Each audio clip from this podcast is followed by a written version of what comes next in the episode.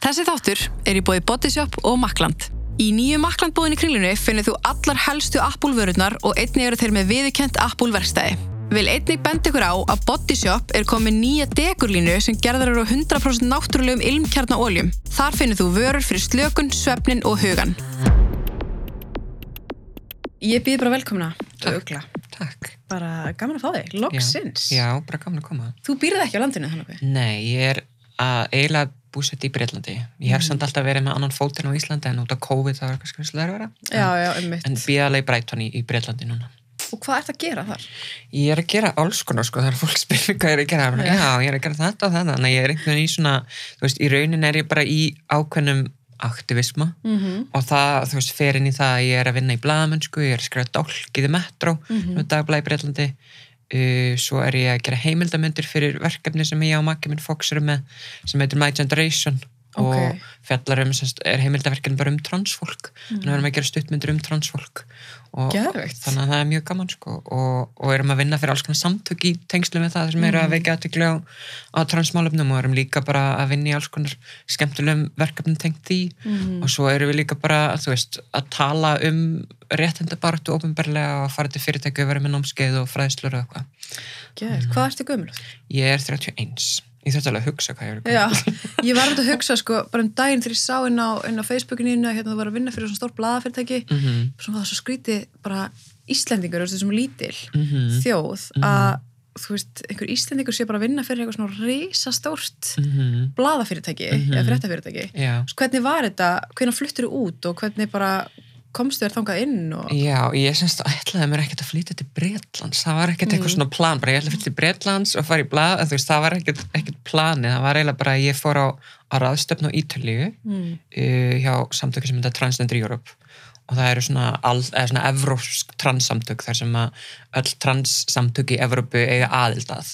Já. og þau eru með ráðstöfnu á tveggjara fresti og ég kom semst frá Trans Ísland uh, á þessa ráðstöfnu og Fox Magibin var semst að ráðin til að gera mynd um semst, um ráðstöfnuna tíu ára afmæli hjá þeim eitthvað svona, hann átti að taka viðtal við fólk ráðstöfninni og, og eitthvað svona og ég var semst á viðtalslistanum hjá Fox Mm. og þannig kynntust við í gegnum það Ok. þannig að ég var bara einhvern svona viðmælandi hjá honum í, í þessari mynd og, hérna, og okkur kemur ótrúlega vel saman á ráðstöfninni og, og svo einhvern veginn að ég missi af fluginu mínu til Mm. Íslands að þessari ráðstöfnu og og ég og Fox vorum búin að koma með mjög vel saman og Fox segir við mig vil bara ekki koma með mér? Mm. þú veist, og fljúa Gatvík og fara til Breiton og svo getur flóið þaðan til Íslands að það er alveg mjög auðveld flugleið. Mhm. og hérna að auðvitað engin önnur að plöna það er ekkert annað sem er að segja.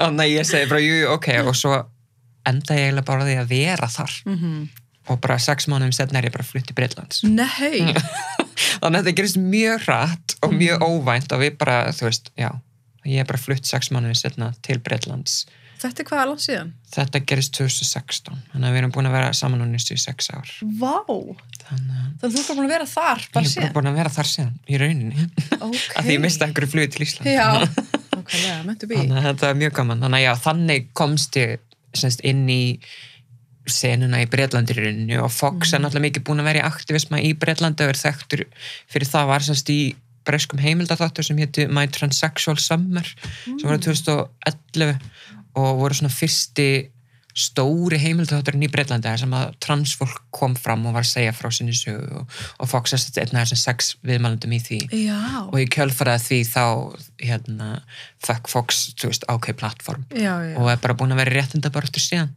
og þannig að þú veist, af því að Fox var komið inn í réttindabaratuna mm. það, það var auðveldar fyrir mig einhvern veginn að koma mér inn í það Já. út frá, frá hans plattformi þannig að það, Ok, og þá byrjar að skrifa bara líka já, það byrjaði bara að skrifa greinar og, og alls konar sko og það um þetta verður svo bara til þess að að Metro hefur sambandi við með nokkra mannum setna ég var búin að skrifa einhverja nokkra greinar fyrir þau Mhm. og spurði mig bara hvort ég vildi ekki vera dálkahöndur bara fast. Jesus, hvernig var það símtal? það var mjög fyndið, þetta var veginn svona pínu súralist, ég var bara, já, það er metro. Ég bara, já, ömmu, þau eru að ringi mig, ok. Þannig það var mjög gaman, sko, þú veist, ég held að maður átti sig ekki alveg á því, þú veist, að því að metro annað bara risastort blaðfyrirtæki, gerur mm -hmm. dagblöðum netinu og þú veist, og er bara eitt af stærstu sko blaðafyrirtökum í Breitlandi mm þannig að það er bara mjög gaman og ég held að ég einhvern veginn áttum heldur ekkert á því hvað það er stort þú svo búin að skrifa fyrir núna í tvö ára eitthvað. Já, ertu, á, ertu, á, ertu bara í höfustöðunum bara að skrifa þar? Ég skrifa alveg bara heima sko, líka út á COVID þá náttúrulega er það, veist, en ég gæti alveg farið og, og verið þar sko, en ég hef alveg bara verið heima að skrifa sko. En þú veist svona allt skubbið það. Já, þú veist, ég alveg hef svona heyrt smá sko, það ekki alveg, þú veist, þetta er alveg, þetta er svona, þú veist, það er ímislegt eins og bara með transmálefni er mjög erfið í umræðin í, í Bretlandi. Já, er það? Já, og þú veist, þess vegna hef ég heyrt alls konar, þú veist, eins og bara, þú veist, það er skipta skoðanir innan þessara fyrirtækja um alls konar skulur. Þannig að þú veist, stórt. já, og þú veist, það er ekkert sama fólki sem er að brenda út auðlýsingarnar eða fólki sem er að gefa út dálka eða eitthvað svona, þannig að þetta er svo stórt mm. fyrirtækja, þannig að það er svona alls konar sem það er að heyrt. Finnur þú fyrir því, þú veist, finnur þú fyrir svona, að því hérna á Íslandi er, veit ég ekki hvernig það er, mm þú veist, það er svona, Á Íslandi er þetta, þú veist, mjög næs í samanbyrði, þú veist, ég upplifa aldrei einhvern óvilja frá fjölmjölum þegar kemur hann transmálefnum, þú veist, það getur alveg verið að- fjölmjölar segja eitthvað vittlaust eða, þú veist, noti vittlaust orðalega eitthvað svona, en það er oftast bara eitthvað þannig. Og það er sjaldan sem að fer út í það að, að blaða fólk eða fjölmjölum eða fólk sem er með eitthvað svona þætti sig eitthvað að gera eitthvað þú veist, slæmt um transfólk. Oftast Já. er transfólki sjálft að segja frá sínum sögum og þú veist að þegar ég fer í viðtölu eða í útvarpið eða sjónvarpið þá upplifi ég aldrei það að ég þurfa að fara í einhverja orustu eða þú veist ég þurfa að vera viðbúin undir eitthvað. En í Breitlandi er þetta bara allt annað landslag. Í Breitlandi þarf þú bara að undirbúa þau undir það að þú veist það verði bara hérna þú veist mest transfóbiska manneska sem að þú getur ímyndaðir verið sett á mótir í viðtal og þið þurfa að rífast í beinni útsendingu. Og það er bara guttur að, Já, það er bara normið sko. Og þú ert bara sett á móti bara einhverjum sem að finnst transfólk bara að vera ógeðslegt. Og þetta er bara að nota sem content og bara sjómasefni og, Já, og er bara, þetta er bara breska fjölmjölamenningin Mm. er svo ofbeldisfull í rauninni að þetta snýst allt um það að þú þurfur að, að rífast og búa til rifrildi, þú veist eins og bara Piers Morgan, bara mjög gott dæmi um mm. fjölmjölamann sem að þú veist, gerir út á þetta mm, og var í Good Morning Britain í Breitlandi sem er stærsti svona morgunþátturinn í, í Breitlandi og hann var bara alltaf að, þú veist, rífastu fólk og gera lítið þeim og ég og Fox fórum í viðtal 2017 mm, og þú veist, hún var alveg sama um málefnið hann var bara að gera lítið úr okkur í bytni útsendingu. Já, þannig að þú veist, og það við áttum okkur bara á því mjög fljótt að það væri málið, þú veist, við vorum eitthvað að spjalla við hann áður en að kamerunni byrja að rúlla. Mm, og Fox spyr eitthvað svona, já, áttu ykkur börn? Og hann, já, þau skilgræni svo öll sem mjög dýr. Í rekstri. Og ég bara, já, þetta verður semst bara þannig mm, og svo bara, þú veist, snýrist þetta ekkit um það að við vorum að tala um transmálin það var bara, þú veist, að gera lítið úr okkur og eitthvað. Já, bara búið til content og búið til, já, hvað ekki elda og eitthvað. Sko það er líka að því að fór að pæla því við erum svona, við erum svo lítil þjóð, við höfum alla yfirbyrðu til þess að verða mhm, þú veist, flott og hérna, góð fyrirmynd í þessum málefnum. Mhm. Þess að svona sá ég til dæmis eins og þú talar um fjölmiðlar við erum það Nei. en á sama tíma þá eru samt fjölmiðlar að byrta greinar eins og við sáum þetta greinina frá Írisi. Já, mitt hún er bara byrt já, og eins og þú segir sko þetta er bara ofbeldi. Þetta er ekki, þetta er ekki við erum ekki Bretland, þú veist, við erum ekki nei. Þannig að þú veist, hvernig finnst þér að hvernig fannst þér að sjá þetta? sko, ég uppleiði það svolítið að því ég er náttúrulega búin að vera svo mikið í Breitlandi og búin að, veist, sjá þessa umræðu svo mikið, þetta er svo augljóslega innflutt. Að að þessi orðraða sprettur ekki upp í íslensku samfélagi eða í íslenskum feministarreyfingum eða eitthvað slíkt, veist, þessir umræður eru svo augljóslega innfluttur og þessi manneska býr náttúrulega í, í hérna, bandaríkunum Mm.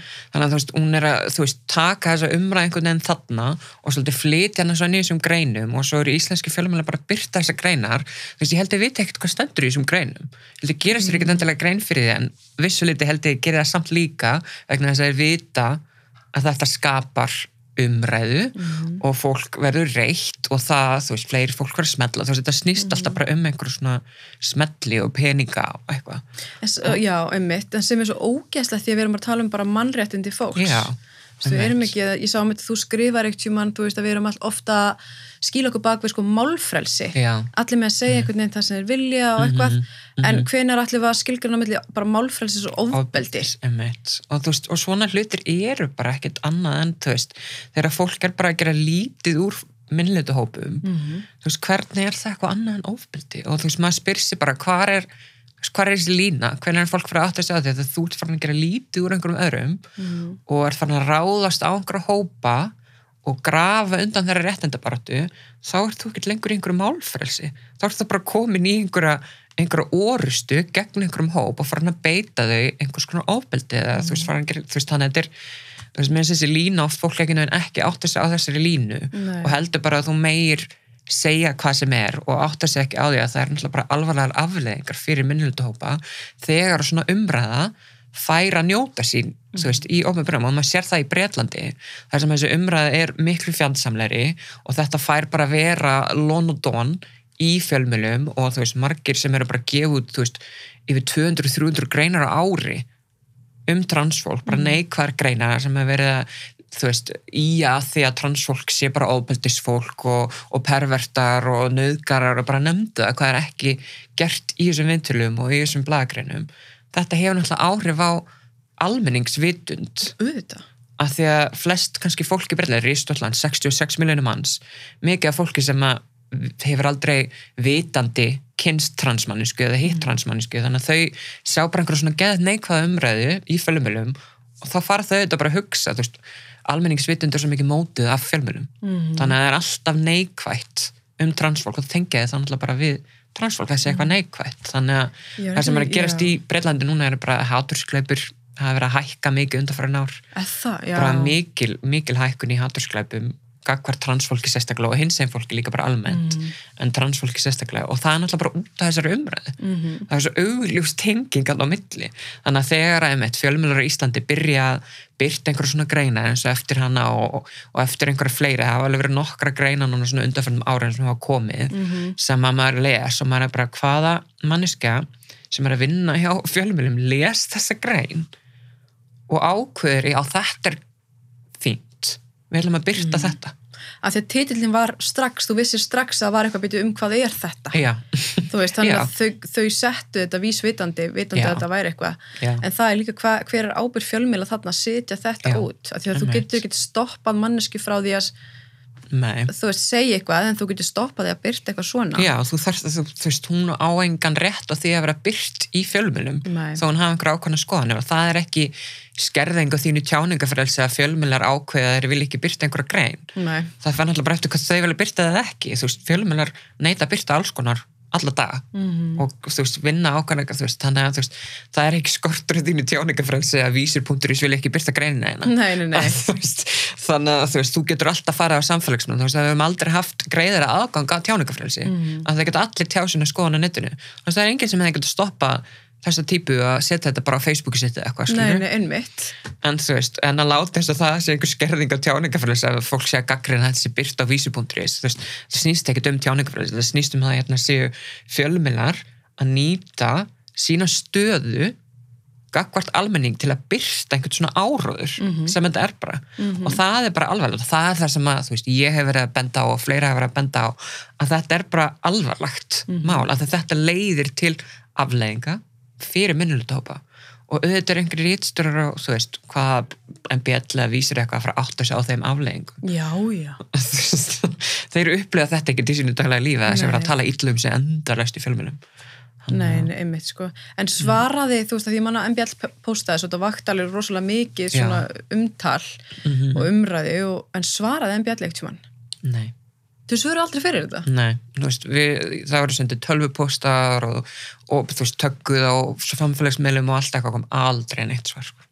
þannig að þeim, þú veist, þeim er ekki einu sinni Fokkin þeim er bara alveg saman en veist, það er ekki einu sinni bara, já, við erum búin að meðtaka þetta við ætlum að, sko, þú veist, ekkert bara algjör þögn og maður, þú veist, spyrst þér bara hvað vitið þá ekki að hafa verið að gera eitthvað villist eða, þú veist, Mhm. er þið ekki einu svona svar okkur að þið vitið að það þú veist, þið vitið að þið, þetta er rámt að gera þetta. Mhm.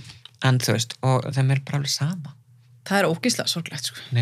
það er, ég meina, hver á allar að bera ábyrða þessu, hver allar að svara fyrir þetta? Einmitt, og líka þú veist þegar það var að koma aðra greinir eins og þú veist vísir hefur verið að byrta alls konar greinar líka. Mhm. og kom einhver grein fyrir nokkur árum frá sálfræðingi.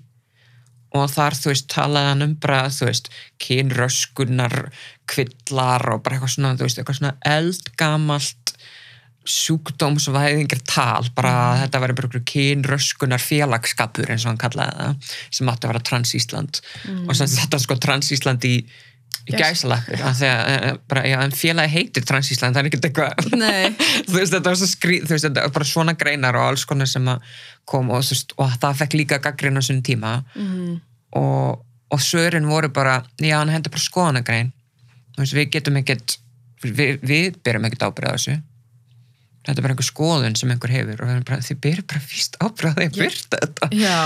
Að þú veist, sama þá þetta sé ekki skrifað af eitthvað rítstjórn, þá tekja því samt ákvörðin um að byrta þetta. Mhm. og þú veist að það geti ekkert alltaf skilt ykkur baku að þetta sé bara skoðun. Þetta er ekkert bara skoðun. Veist, þetta fer bara út í það að verða ofbeldi.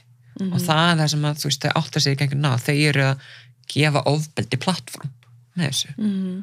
og þú veist, og svo þú veist var hann bara einhverjum viðtölum á alls konar veist, útvarpstöðum og eitthvað um þetta allt saman Galið. þú veist, og maður er bara hvernig þú veist, já, maður skilur ekki hvernig fólk leifir svona fólk að fá þetta plattforma því þú veist, auðvitað þú veist, já það snýst ekkert um tjáningafrelsi lengur þetta snýst bara um að það er einhver bara í einhverju herferð Mhm. gegn einhverju minnulutahóp og hvers vegna erum við að gefa þeim rými til þess Mhm. að því að sama Já. þetta, þú veist, sé að tala um vilji, þú veist, sína fram á hvað þetta, þú veist, eitthvað, þá er það samt að veita þessu rými Mhm. og fólk er að heyra þetta Mér það er líka mikið af fólki sem heldur einhvern veginn að það sem eh, vísir á MBL sé, er að byrta á fleiri sé bara að þau eru að byrta þetta að því þetta á, þú veist, heima Mhm. þarna. Já, einhvern veginn trúa því að fjölmjölar séu að gera mm eitthvað gott, sko. Já, þú veist, á erindi við almenning og þú veist og áttar sér ekkert á þau sko, sko samhenginu sem þessar umræður skapast Mhm. þú veist, eins og allar þessar neikvæði fréttir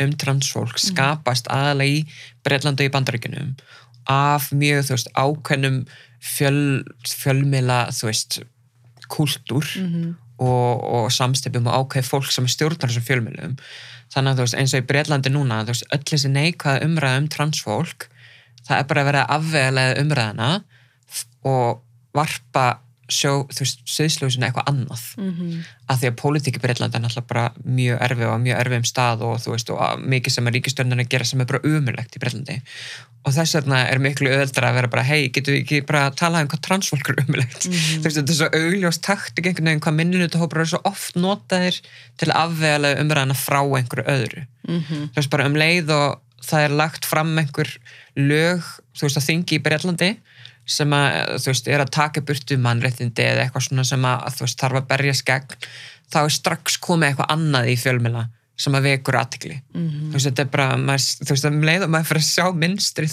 þar er maður bara að sjá hvað þetta er taktík Mhm. og þú veist, og í Breitlandi eins og núna er þetta aðeins byrjað að smita frásræmi til Íslands líka Já. þú veist, umræðum íþróttir og umræðum fangelsi og umræðum kynjurými, veist, það er bara í Breitlandi alltaf alla dag, þannig að það er líka byrjað að koma núna aðeins til Íslands. Mhm. og þú veist, það er rosa erfið umræða.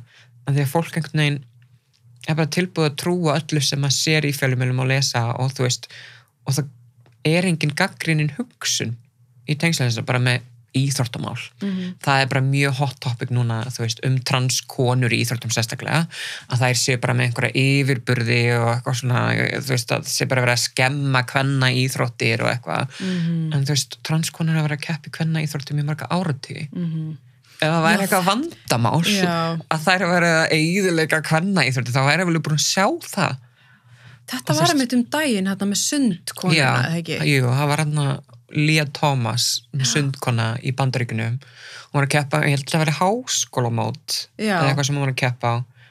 Og sko, málið er að fjölmjölum var öllum það, hvað hún var að rústa öllum konum og var ekki, þú veist, þetta var auglast út á hún hefði eitthvað líkamlegt forskot og eitthvað bla, en að maður fyrir að skoða, þú veist, hann er árangur á þessu móti hann bara frekar þú veist, ekkert langt frá því að vera langt besti árangur á þessu móti Mhm. þú veist, hún vann, einhver, vann eitthvað eitt uh, í einhverju einum flokki en þú veist, tíminn hennar í þeim flokki hún keft með þennan tíma náð þessum tíma í sama sundi í fyrra og sama móti þá hann lendi þriðastæti En það er ekki tekið fram. Nei, og, veist, og svo lendi hún í 5. og 8. sæti í öllu hinu sem hún var að keppa Mhm. þannig að ef hún hefði haft einhverja sjúklega yfirbyrði, væri hún það ekki bara rúst öllum sem hún var að keppa í og þú veist, og svo, þú veist, er hérna á þessu móti var, þú veist, sískona sem að bara gjörsamlega dóminaraði allt, þú veist, hún sló einhver átján af 26 metum sett á þessu móti Mhm. og þú veist, og það voru svona myndir af henni sem var að fara á Facebook og eitthvað svona og þetta var svo ótrúlega fyndið að það voru myndir semst að þessari sískonu að keppa og hún er náttúrulega bara íþróttakona þannig hún er náttúrulega bara helmössuð og er ekkert eitthvað svona típisk kvenleg típa, hún er náttúrulega bara gekk í nei. sundi og eitthvað og myndir af henni og fólk bara, já, þetta er augljóslega kallmaður, sjáu þetta kallmaður og fólk ruggla henni saman við líu transkonuna það var bara, þú veist, sýnir bara svolítið svart og hvítu hvað fólk veit ekkert um íþróttir Nei.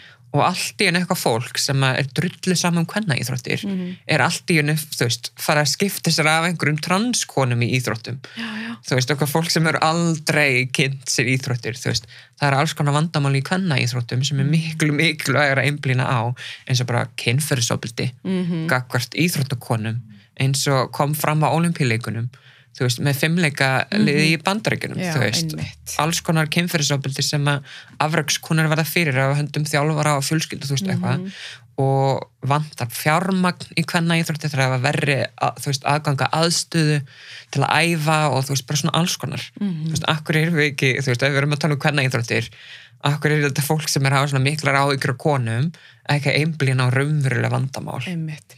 Fólk afhjúpa sér svolítið sjálft þarna í sko, allt í einu- allt í rosa margi sem að áhyggjur af einhver sem að bara svona mm aldrei séði áður. Nei, bara þú hefur aldrei skiptur að hvenna íþróttum, allt í einu ertu núna farin að vernda konur. Mm þú veist, þetta snýst svo mikið um eitthvað svona seifirkomplex, við erum að vernda konur. -hmm. og maður er bara, já, en afreiks íþróttakonur þurfa ekki þig Já. til að vernda sig fyrir transkonum, að því að langa þú veist, það eru langflestar afreiks íþróttakonur vita bara Mhm. að þú veist, transkonur eru ekki einhver svona, þú veist, karlar að þykastur á konu til að koma að rústa þeim í íþróttum. Oh my god. það er- Hversu pyrruð verður á svona þetta er bara alltaf, veist, maður er bara, þetta kemur bara ítrykkað, ég er alltaf bara, ég er búin að útskriða þetta svo oft, bara getið ekki bara, getið ekki bara skrifa þetta einu sinni og svo bara lesið, að veist, þetta er einhvern veginn, veist, að Ég held að fólk vilja ekki skilja. nei, nei, og þú veist, jafnvel þó þú kynnir fyrir þeim staðrindinnar, Mm það bara, þú veist, út um eitt, er að þú veist, gera bara, heyra bara það sem við vilja heyra. Já. Og það er oft vandamál, veist, ef það væri eitthvað vandamál að transkonur væri að rústa hvernig íþróttum, þá væri við búin að taka eftir í. Mm en t- þú veist, þær eru búin að með að keppa á alþjóðamótum og olimpíuleikum mjög lengi -hmm. og, og jafnvel þótt að transkonu gengi vel Mhm. þá eigum við samt ekki að þú veist, ítrekka ásakan um svindl Nei, eða þetta sé einmitt. einhverjur yfirbyrðir, þú veist, auðvitað transfólki máka hunga vel líka Mhm. en það er það sem að, þú veist, ég er samt líka svo hrætt við um, leiðan einhverju transmenninski fyrir að ganga vel, þá myndast þessi, þú veist, slæma öfraðan jafnvel þegar þeim er ekki að ganga það vel eins og líður Tómas gekk alveg vel, en hún er langt frá því að vera einhver, þú veist, besta sundkona í sínum flokki Mhm. og þú veist, jafnvel þegar, og þú veist, svo náttúrulega transkona að keppa á olimpíuleikunum Laurel Hubbard hún var í kraftliftingum Mm eða einhvers konar kraftliftingum, ég kann ekki alveg á, Mhm. á lingu en, en þú veist, hún kefti á olimpíuleikunum en þú veist, hún komst ekki einu sinni í loka umferðina eða eitthvað, Mhm. en hefði hún ekki komist í loka umferðina það var alltaf einmitt. Þetta er ógeðslega góðu punktur.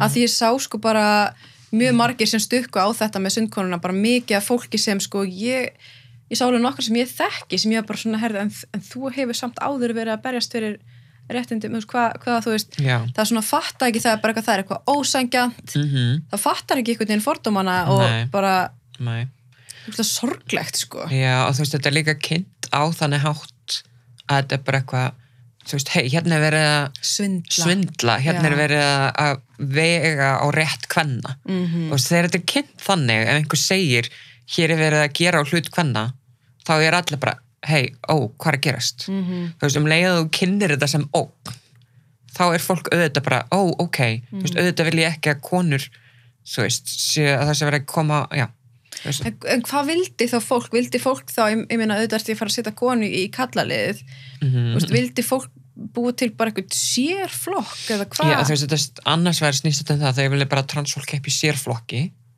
sem að hvað, þrjár manneskur er að keppa saman í flokk í hverju? Þú veist, þetta er fólk sem er ekki að keppi sem í íþróttum einsinu hvað hann að keppa í sjálfa sig?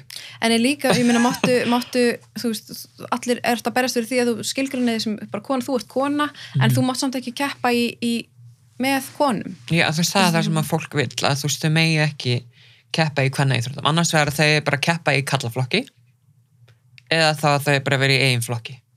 Og það er bara það sem fólki finnst og maður er bara þekk, veistu eitthvað um transfólk? Bara getur ímyndað með það að ég fara að keppa með köllum.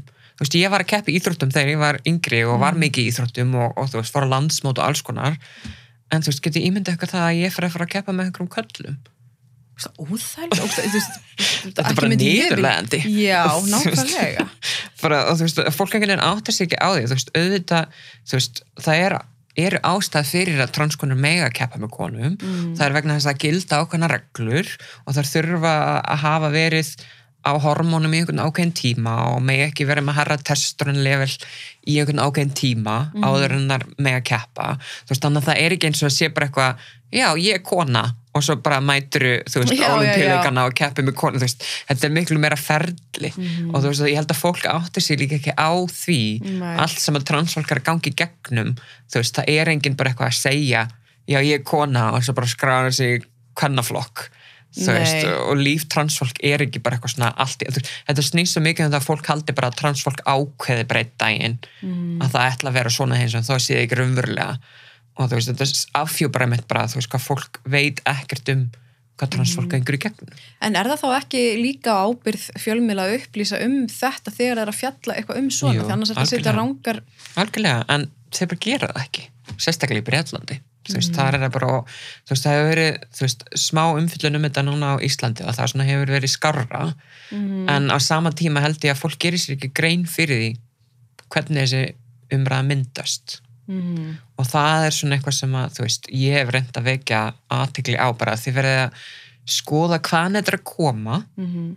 og þau þurfa að skoða hvað rauki verið að setja fram og þau þurfa bara að vinna smá vinnun ykkar og gera smá rannsóknu vinnu að þeim leið og fyrir að skoða þetta þá kemur bara svolítið í ljós að það er ákveðna reglur í gildi transkonur er að fara eftir þessum reglum mm. en það er verið að keppa lengi í hvenna íþróttum eins og það er eiga bara rétt á þannig að þú veist ef að Líu Tómas gengur vel í sundi hún er að fylgja allum reglum hún er ekkert að svindla.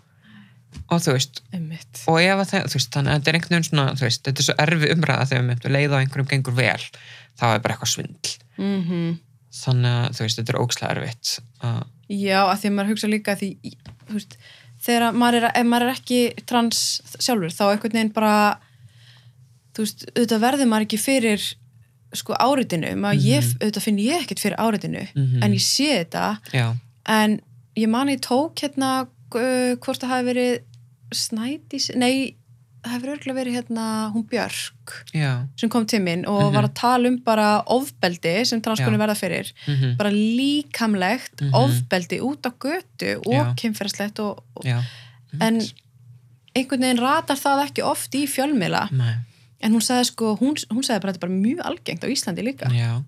Og samt einhvern veginn er umræðinu snúið við. Mm þú veist, transfólk er gert að óbyldisfólkinu -hmm. sérstaklega í brettin, það er alltaf sagt já, ef að transkonur fá að koma inn í kvennarými, þá er það að fara að beita aðra konur óbyldi eða það er að fara að greiða leiðina fyrir óbyldismenn til að koma inn í kvennarými og þykast fyrir konur.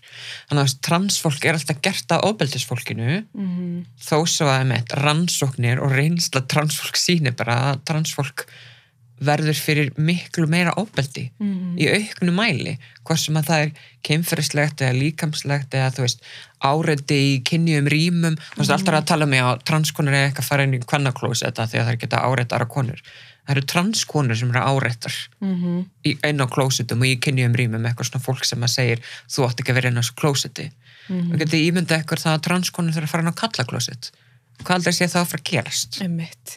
Þetta er nefnilega út af því að við erum eitthvað, eitthvað sko, umræðan er oft sko, já, við erum komið svo langt og þú veist, í Mhm. baráttunni og öllu því Mhm. en svo þegar maður skoðar þú veist, þeir sem verða fyrir kynfyrsóbildi á Mhm. Íslandi, það er bara að skoða kallar og konur Mhm. það er ekkert að skoða, við erum ekki einu sinni með það í kerfinu hvað, þú veist, Nei, bara hvað verða hvað er transkonur mikið hlutfall af þessu, já, þessu. það er ekki einu sinni flokkur Nei, það er ekki svona aðgreint þar á milli sem að er mikilvægt að gera því að transkonur eru í viðkamur stöðu mm og þú veist, og alls konar konur þú veist, rannsóknir sem bara falla konur verða fyrir mm. Auknu ofbildi konur erlendum uppruna þú veist, alls konar svona breytur skipta máli -hmm. og líka fyrir transkonur af því að þú veist, það er bara, þú veist, sýnir sér bara að transkonur verða fyrir auknu kynfyrsofbildi út frá því að þær eru konur og út frá því að þær eru trans Mm. og ofbeldi verður þú veist, þetta er ákveðin tegund af ofbeldi sem að þessar tvær breytur veist, skapa einhvern veginn Mm. þú veist,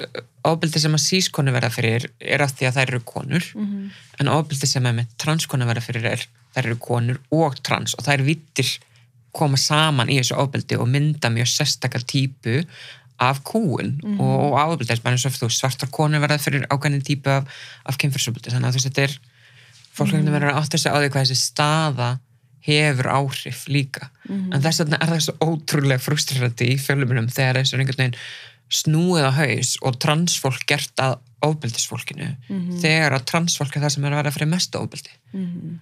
og þú veist að maður skilur ekki hvernig fjölmela fólk leifur svona umræði að þú veist, eiga sér stað því að þú veist, ef vinnur vinnunum almennilega þá kemur það bara bersinnilega í ljós öll þessi closet umræða. Þú veist, það er verið að setja lög í bandaríkjunum að banna transfólki að nota closet og það var að setja lög í Texas núna þar sem að uh, sem sagt, það var ef að þú ert foreldri og átt transbarn og stiður við barnið þitt, þá er þetta að tilkynna þið til barnavendanemdar og það er að setja þið í fangelsi. Ha, fyrir hvað? fyrir það að styðja transbarnið þitt. Af því að, hver er útskýringin á því? að þetta á að vera ofbeldi gegn börnum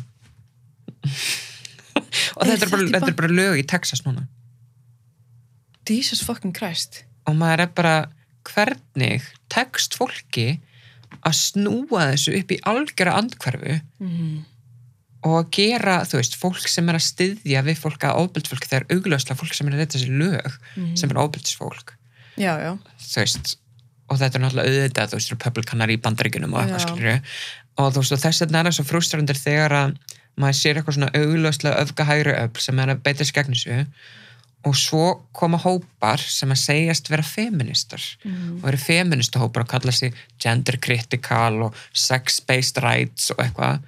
Og eru með nákvæmlega sama áraður Mm. og sömu orðræðu. Og eru bara búin að setja einhvern annan búning.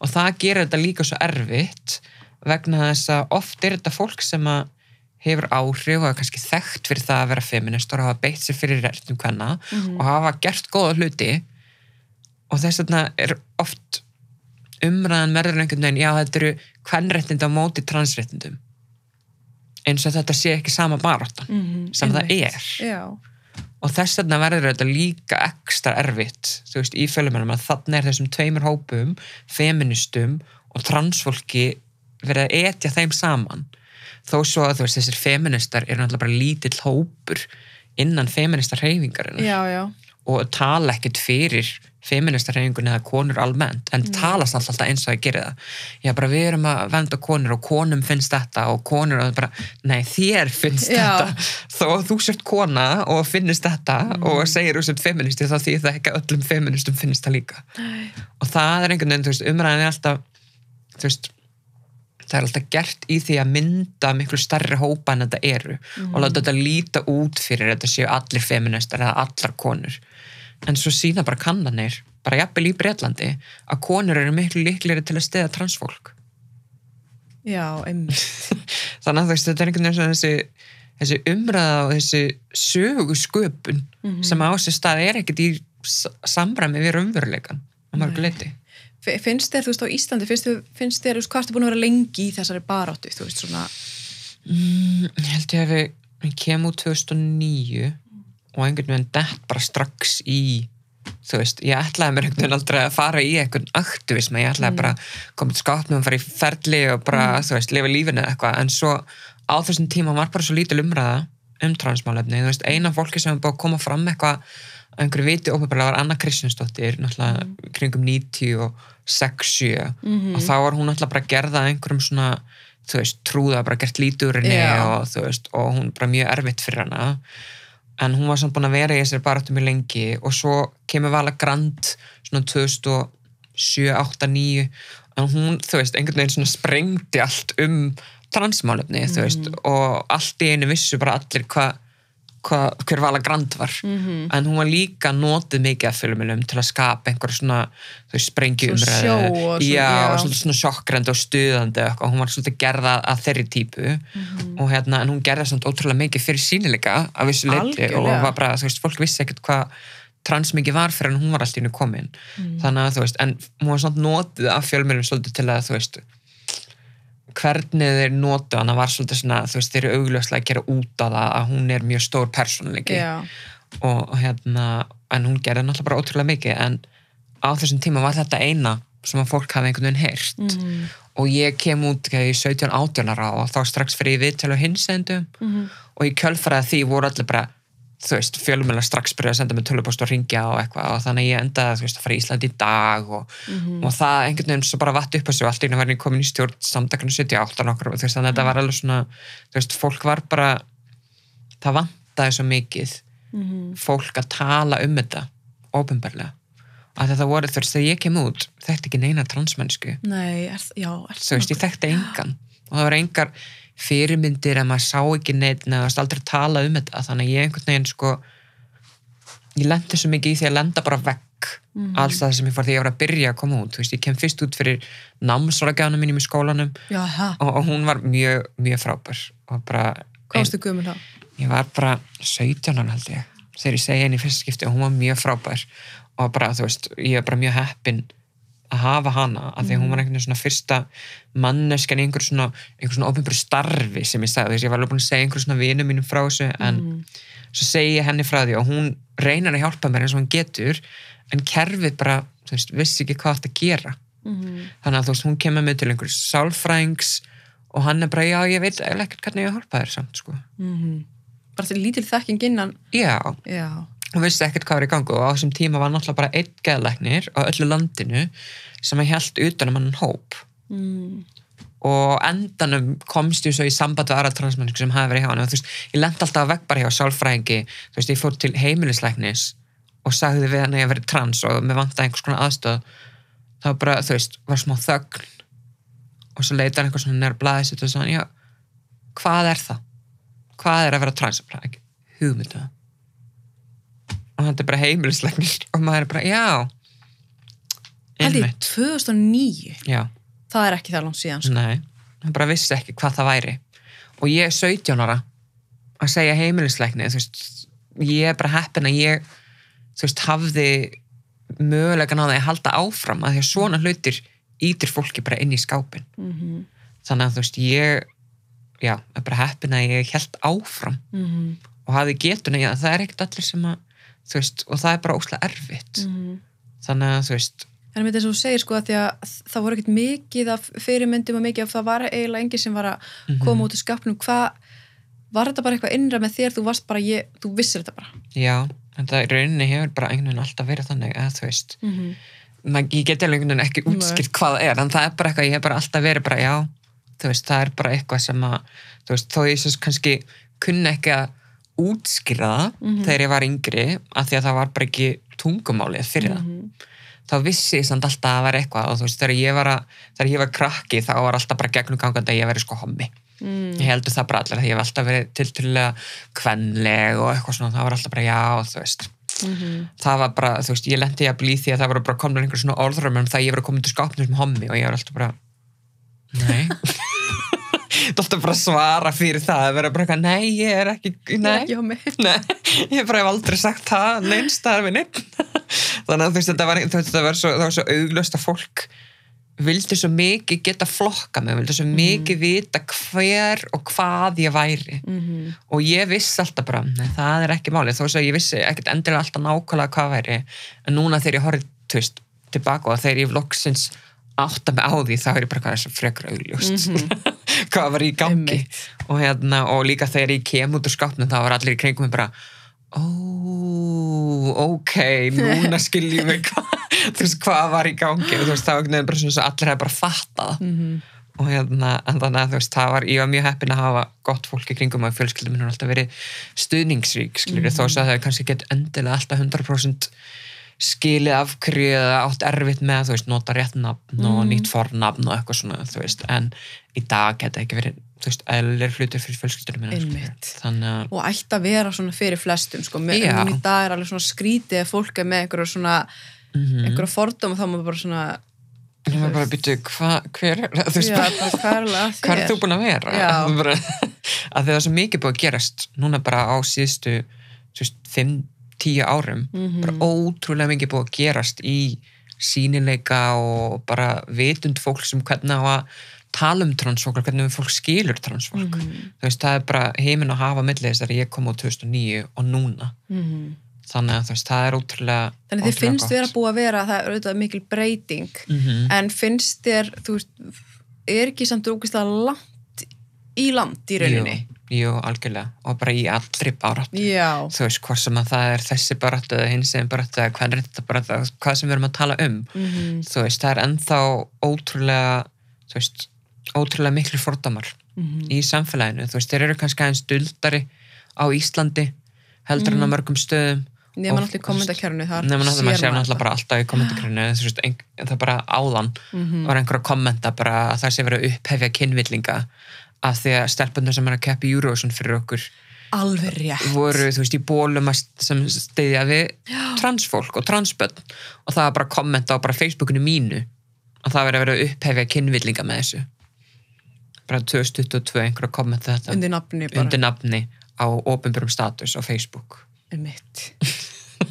þú veist, þannig að veist, það er ekkert langt í fordómana. Nei, og þú veist, það bara aðeins að segla stundir í yfirborðið og þá finnum maður þetta strax Mhm. og þú veist, og þó svo að jú, jú, við erum komin mikið lengur á Íslandi en á mörgum stöðum og í samanbyrði við Bretland erum við á miklu betri stað Mm. en það þýðir samt ekki að við séum bara komin í höfn og það sé Nei. allt bara geggjað, að það er það ekki Mhm. þú veist, en það er þú veist, þessi, veist, það er svo mikill munir á Bretlandi og Íslandi ég er alltaf bara, þegar ég kem til Ísland þá finnst mér ekki að anda aðeins betur já, en á sama tíma veit ég að það er samt ótrúlega mikið sem við þurfum ennþá að gera en það er einhvern veginn þú veist, mér finnst það vera aðgengilegra að knúa fram breytingar Mhm. og mér finnst fólk meðtækilegra fyrir því sem maður þarf að berjast fyrir og það er auðveldar að eiga þessar samræður Mhm. þú veist, ég hef alveg átt samræður í fjölmjölu Íslandi um íþróttir og transfólk en það verður aldrei orðið á sama level og í Breitlandi þú veist, það hefur alveg verið spurningar og eitthvað svona sem ég verið alveg bara, ok. Við að svona Er það eins og hvað? þú veist, bara þú veist, spurningar um, þú veist, er það ekki óreillátt að transfólk konur sig að keppa og maður er bara já, hérna, já, þú hefði nú aðeins rannsaka þetta áður en að ég kom í viðtal. Þá hefur þú ekki þurft að spyrja þessu veist, þannig að þú veist, en sem betur fyrir að vera aldrei verið einhver svona óvilji. Nei, nei, nei, einmitt. Það hefur aðalega bara verið það að fólk þekkir ekki og þekkingin er til staðar. Mhm. og mér finnst miklu auðveldar að díla við það þegar fólk hefur ekki þekkinguna eða spyr einhverju spurninga að það veit ekki betur heldur en að fólk er bara fordómafullt Mhm. og er bara vill ekki að transfólk fá ákveðin réttindi. Og eins og bara lögum kynrand sjálfræði sem voru sett 2019 hún er bara risastort skref í, í lagalegri baráttu transfólks að því að hún loksins veitti transfólki veist, aðgengi að því að breyta nafni og kyni í þjóðskrá an þess að þurfa að fá sjúkdómagreiningu hjá það? Það voru 2012 voru sem sett lög sem hétu lög um réttarstöðu einstaklinga með kyn áttunar vanda og kyn áttunar vandi var sem sagt sjúkdómsgreining sem að transfólk þurft að fá til að geta fengið að fara í ferli og til að geta breytt um nafn og kyn í þjóðskrá what? þetta er bara sett 2012 og í þú veist, lögin sjálf orðalegi í lögunum ég var bara, erum við komin aftur til 1960 það var hérna bara þú þurft að lifa í gagstæðu kyn hlutverki í átján mánuði aður en þú getur sótt um það að breyta um nafn og kyn í Jesus. kyn hlutverki einmitt.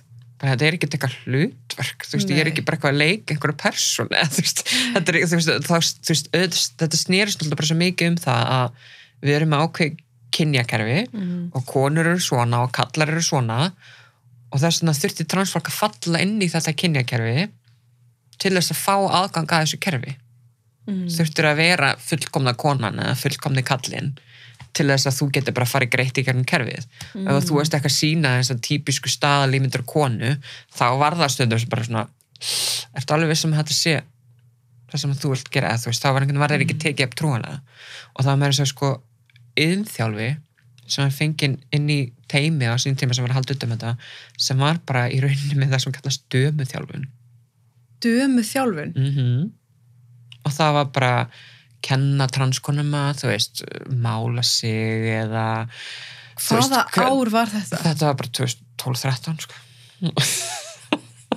Áfalli. þetta var bara, bara dömithjálfinu þau kölluðu það ekki dömithjálfinu en við vorum bara þetta það er bara það sem kallast dömithjálfinu Já. og, og þá var þetta bara bókstallega að kenna transkonum hvernig er að klæða sig og mála sig og lappa og, og með mismunandi plan í ræktinni og eitthvað svona bla og maður var bara, Ha, hvar fekk, fór maður inn, fór maður, var þetta bara eitthvað námskeið sem að, þetta var bara þú þurfti bara að fara til yðurþjálfa sem hluti af ferlinu sko og oh hitta hana my god, fórstu gegnum þetta? ég er endar fór í gegnum áður en að þetta kom svona formulega inn sko, þannig ég þurfti aldrei að fara í dömu þjálfun en vinkona mín neitaði bara að fara að hitta henni yðurþjálfa, það var bara vesen sko.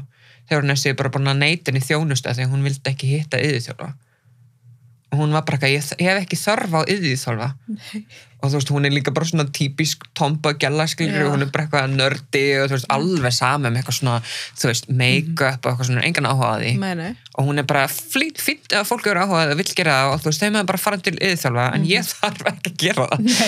Ég er bara engan áhugað og þú veist, ég var bara eitthvað ok, þú veist til hvers, hvað er hvað skilabóð fyrir að senda hérna þetta er dæmið bara þennan hlutverkaleik sem við erum búin að vera sett í bara frá já, uh, árið eitt, skilur við. emmeit Bara Og- kallega kona og þú veist, það, Mhm. þetta er hlutverkaleikur sem við erum búin að vera að lifa í. já, og transfólk upplýði þetta rosa stert þegar það kom, þú veist, þetta er búið að skána mjög mikið í dag, Mhm. þú veist, í dag er þetta allt annað og í dag eru þessi teimi sem haldur til þess að þjónustu meðvitð um þessa hluti og eru búin að taka sér mikið á þannig að veist, það er ekki eins og þau séu öll ennþá bara þarna, Nei, nei. en þetta var samt mikið svona og er alveg ennþá fólk í þessum geira sem er alveg pínu þarna en sem Í betur, alvöru? það er alveg bara, þú veist, þetta fólk er bara svo fast í kynjakerfinu alltaf og, og transfólk, þú veist transfólk sem fellur að kynjakerfinu betur, því gengur mikið betur Mm. í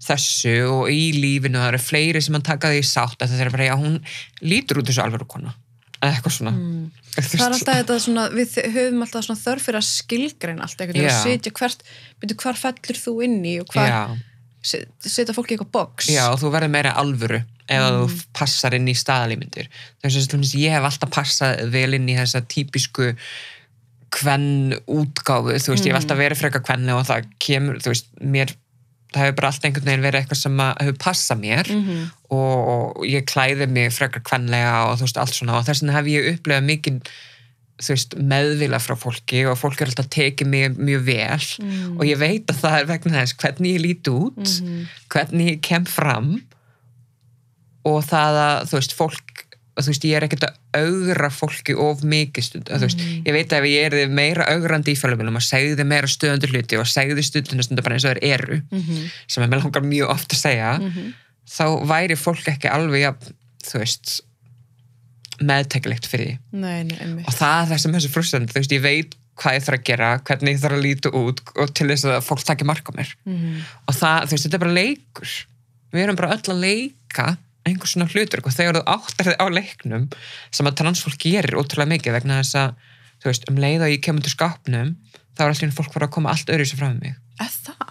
Og þá er allt í einu, þú veist allt í einu er ég ekki jafn fær um að gera ákveðna hluti sérstaklega þess sem krefst líkamlega getu Já. fólk fara að bjóðast að hjálpa mér mikið meira, sérstaklega kallmenn Mhm. að halda á hlutum eða lifta hlutum þú veist, allt í hennu get ég ekki fara að gera sömu hlutina á sveitabænum heim í sveit eitthvað, það verður meira að fara í svona kvenna hlutverk, þú veist, alls konar svona hlutir sem að, þú veist, maður tekar eftir og maður er bara, ég er nákvæmlega sama mannesk Mhm.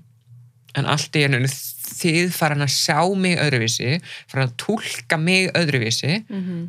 og automatist farin að koma fram við með öðruvísi. Fólk gerir þetta ómeðvita en transfólk Vá. tekur svo stjúklega mikið eftir þessu að þau eru svo vöni sem komin veist, ákveði fram við en svo er allt í hennu veist, búið að snúa þessu við og maður er alveg bara takið ekki eftir þessu.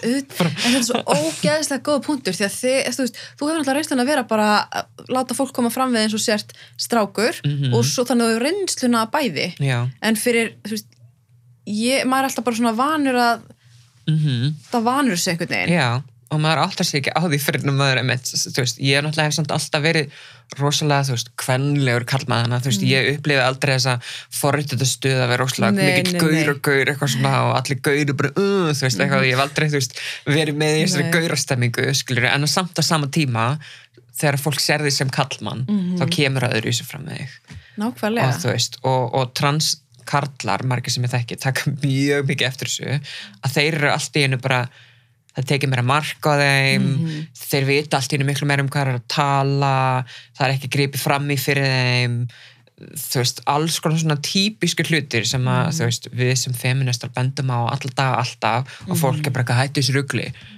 en þetta er bara svo augljóst Mér finnst þetta, hérna, þetta var, þetta er kannski ekki sambarlega, en ég setur í mér hérna, þegar hérna, það var að vera að kalla út hérna, ég meina öfgar hópurinn var að kalla út einhvern hérna, mann í einhverju fótboltaliði. Mhm, bara búið að vera að kalla í mann ekki þrjá mánuð og taka og taka. Mhm. Síðan kemur hérna eitt strákur sem er í köruboltaliðinu uh, og tvítar bara benda á er ekki svolítið skrítið að þessi maður sé í liðinu? Mhm og það fer bara væral og hann er bara maður ársins og það er bara, þú veist, og fyndið. þú veist, já, þetta er svo svona, um leið að einhver kallmaður segir eitthvað tökum við mér að marka á hann já, þú Ó, veist, maður er, já, ég var sem maður er svona, ok, ég, auðvitað þurfum við fleiri svona já, já, menn, sko, algjörlega. þetta er bara takk að fyrir nýta þig, sín forréttindi til þess að ekki Algjörlega. aðtakla svona hlutum en en svona samfélagi hvernig það bregst við, já, mjög afhjúpandi, sko, að bara um leið með leið að einhver kall segir eitthvað þá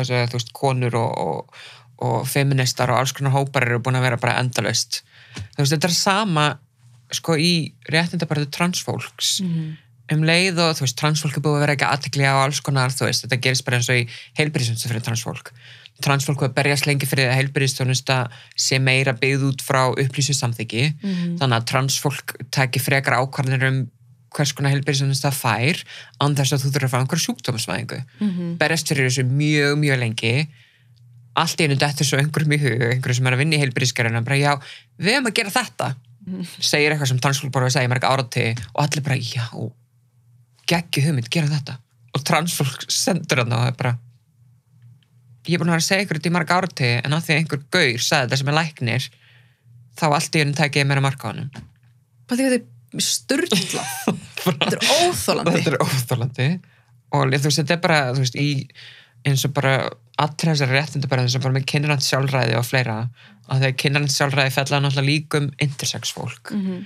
og transfólk í sömu lögum og intersex fólk er náttúrulega bara fólk sem fæðist með ódæmi gerkynenginni Mhm. og lenda í því sem unga börn og þau eru bara sendið aðgerðir þar sem að kynfæri þeirra eða kynengin er bara normaliseruð án þess að það sé einhver þörf fyrir það Mhm. þú veist, það er ekki þú veist, líkamann þeirra eru bara aðeins öðruvísi og þeir virka og en samfélagi er bara eitthvað, nei þú mátt ekki vera öðruvísi, þú þurfum að laga þetta Mhm. þú þarfst að vera með alvöru píku, alvöru tippi eða alvöru þetta, eða mátt ekki vera með þessa kynkirtla eða Mhm. hvað sem það er og við þurfum að laga þig sem veldur svo bara alls konar kvillum og þau eru bara háð heilbríðskerfinu þarf að vera fleiri og fleiri aðgerðir að þú framkamir aðgerðir á unga barni já, þá sem þarftu- fæðist með hérna bæði já, til, þú veist, einhvers konar blöndu til Já, dæmis já, já. eða fæðist með þú veist, fæðist með píku en er með, þú veist eistu innra. Já, já, og þá eru já. þeir fjarlæðir þessi kynkirtlar að það má ekki vera þannig. Einmitt. en samt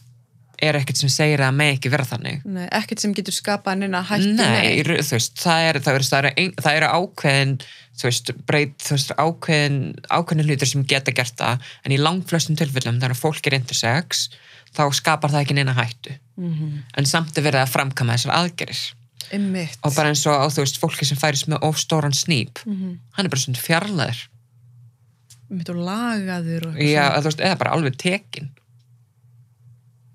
þannig að þú veist alls konar svona sem er bara hvað, þú veist, er í gangi og þetta er bara að því að læknar segja að það þurfa að gera þetta að þetta skapa einhverja hættu eða þú getur fengið krabba menn í þetta eitthvað, sem, þú veist, Mhm. rannsóknir í dag sýnast það bara fram á að það er ekki málið en að því einhverju læknar er að segja það þá þú veist, og þegar vorum að fara með þetta, þetta frumvarpi gegnum stjórnsýsluna og fundum og svona, þá var mikil andstaði innan lækna samfélagsins, sérstaklega um intersex fólk Já, er það? Já, Fólk veist, sem var ekki intersex. nei, þú veist, bara einhverju læknar sem að, þú veist tengja þessu máli ekki neitt. Mm. þú veist, eru bara nei, þú veist við þurfum að gera þetta. Og þú veist, og það þú veist, var bara til þess að, þú veist, þessu var senkað mjög mikið og, og þú veist, intersex hlutin komst ekki gegn upprannilega þegar lögin voru saman, þú veist, bara svona alls konar. Það er bara því einhverjir læknar og einhverjir kallar segja bara eitthvað, nei, þú veist.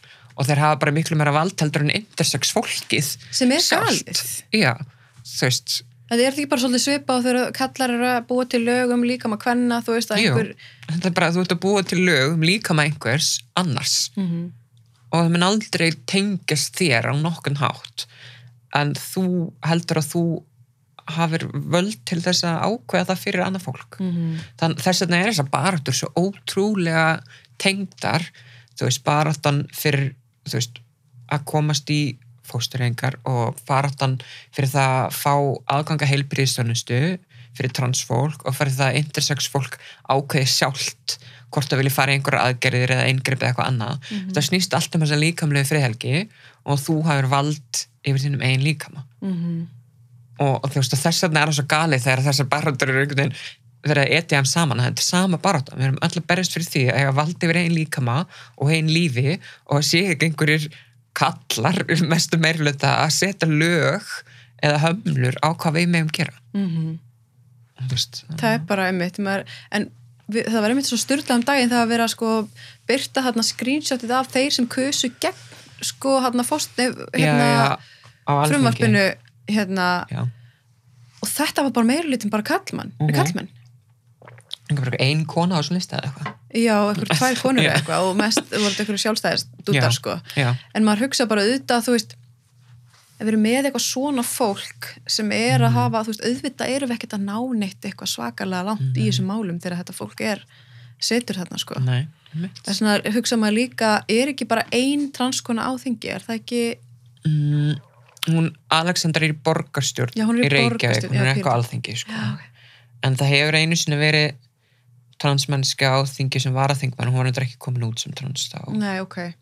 Maður hugsa bara mikilvægt þess að hafa, þú veist, já, það væri náttúrulega svo ótrúlega og þess vegna þú veist, er svo mikilvægt að þú veist, sé feministar og sé transfólk og sé hinsegin fólk. Mhm. þú veist, núna eru, þú veist, það aldrei verið fleiri hinsegin manneskur á þingi Mhm. en þú veist, það er engin transmanniska samt. Þú veist, það eru, það eru homar og lesbíur sem eru núna og sem er náttúrulega bara geggjað. Mm, að því að þetta fólk er að fara vonandi hafa einhver mjög jákvæð áhrif á réttindastöðu hinsegin fólks. Mm, þannig að þess vegna er svo mikilvægt að fólk sé að að þetta fólk er að fara að geta knúið fram breytingar. Mm. en þú veist, auðvitað náttúrulega þú veist, tvær, þrjár mannuskur á öllu alþingi á Nei, sama nei, tíma einmitt. geta ekki umbylt kerfinu. Þannig að þú veist, þess vegna þú veist, þó svo einhver transmanniski myndi komast á þing, þá því það ekkert endilega að hún ná að knúa fram allega breytingar sem þarf að knúa fram, að því að Mhm. Einmitt, það er ennþá fólk sem er að kjósa móti, þú veist, lögum um fósturrengar eða kjósa móti, þú veist, lögum um kynrætt sjálfræði eða þú veist, Mhm. hvað sem að það er þannig að þú veist Hverjir eru það sem eru svona háværi hérna á Íslandi í, í baratu transfólks? mm, sko það er nefnilega ekkert mikið af fólki sem að vill koma ofinbarlega fram og tala Nei. þú veist, fyrir réttundu transfólk þú verður fyrir áriti Mm. í kjölfarið þannig að þú veist, það er alveg nokkra sem að þú veist, það hafa alveg verið transkonur sem hafa mikið verið svona í, í forsvari Mm fyrir þessa réttundabaratu en það hefur bara verið rosa lítið Já, það er ekki mikið um það sko. Nei, þú veist, það hefur verið núna undanfæri hefur verið alls konar góð umfjöllun um þú veist, eins og hérna hún Björk sem að fór núna nýlega til, til Thailands Mhm. og það er náttúrulega bara því að heilbríðiskerfið þú veist, feilaði Mhm. og hún er búin að vera býða í mér en 2,5 ára eftir einhverja aðgerð sem er bara óásættanlegt Mhm. og bara bókstallega þú veist, þú átt að fá aðgengi ákveðinu heilbyrðisþjónustu innan ákveðins tímarama og heilbyrðiskerfið er bara ekki búið að veita það. Þannig að núna er húnastíðinu búin að þú veist, mamman er búin að veðsetta húsi sitt svo þær getur fara, hún getur fara í þessi aðgerð. Mm. þú veist, í hvers konar velfæraríki búi þar sem fólk þarf að veðsetta húsi sitt til að geta fengið við þetta heilbyrðisþjónustu og þú veist, en sem betur fyrir þú veist, verið að er hún sé tilbúin í að gera það. Mm. en hún á ekki að þurfa að gera það.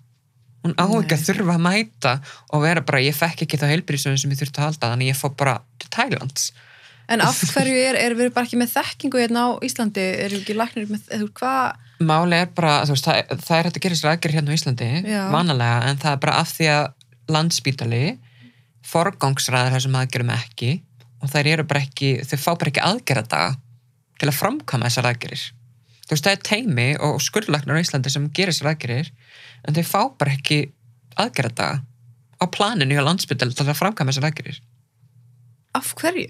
Þetta er ekki lífsnauðsynlegar aðgerðir En erum, við, en erum við samt ekki farin að sjá sko bara þá sem sko, þau sem komast ekki aðgerð Mhm. vanlíðan og þeir sem eru sko að sko fremja sjálfsvík Jú. til dæmis það er bara stór tenging á milli þegar að transfólk hefur ekki aðgengi að viðandi helbriðsjónustu mm -hmm. þá er geðhelsa bara mjög slæm og sjálfsvíkstíðni há Mm þú veist, þetta er bara mjög einfalt reikningsdæmi Já, er það, er það ekki svolítið held saman við bara lífsnöðsynlegt? Jú, þú veist, auðvitað er þetta lífsnöðsilegt Já. af því að þetta snýst um velferð einstaklinga Mhm. og ef þau fá ekki aðgengi að viðandi þjónustu þá er er bara þeirra andlega heilsa að fara að raka mjög mikið Mm. Sem getur haft sko, lífslangar afleggingar eða þá að fólk er bara fara að taka eða líf. Mm og það er bara raunveruleiki sem við stöndum frammi fyrir. Og fólk núna, þegar ég held að sé einhver 20 og eitthvað manns núna á bylista eftir þessum aðgerðum. Og þú veist, fólkinu lifir bara mjög illa. Auðvitað.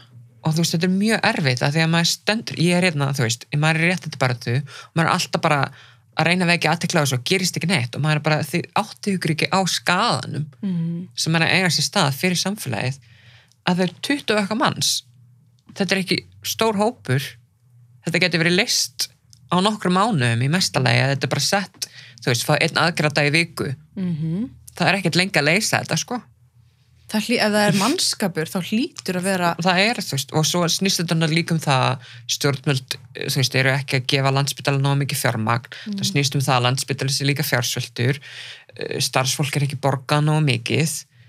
Þú veist, þetta snýst það eru alls konar svona þættir sem koma líka inn í.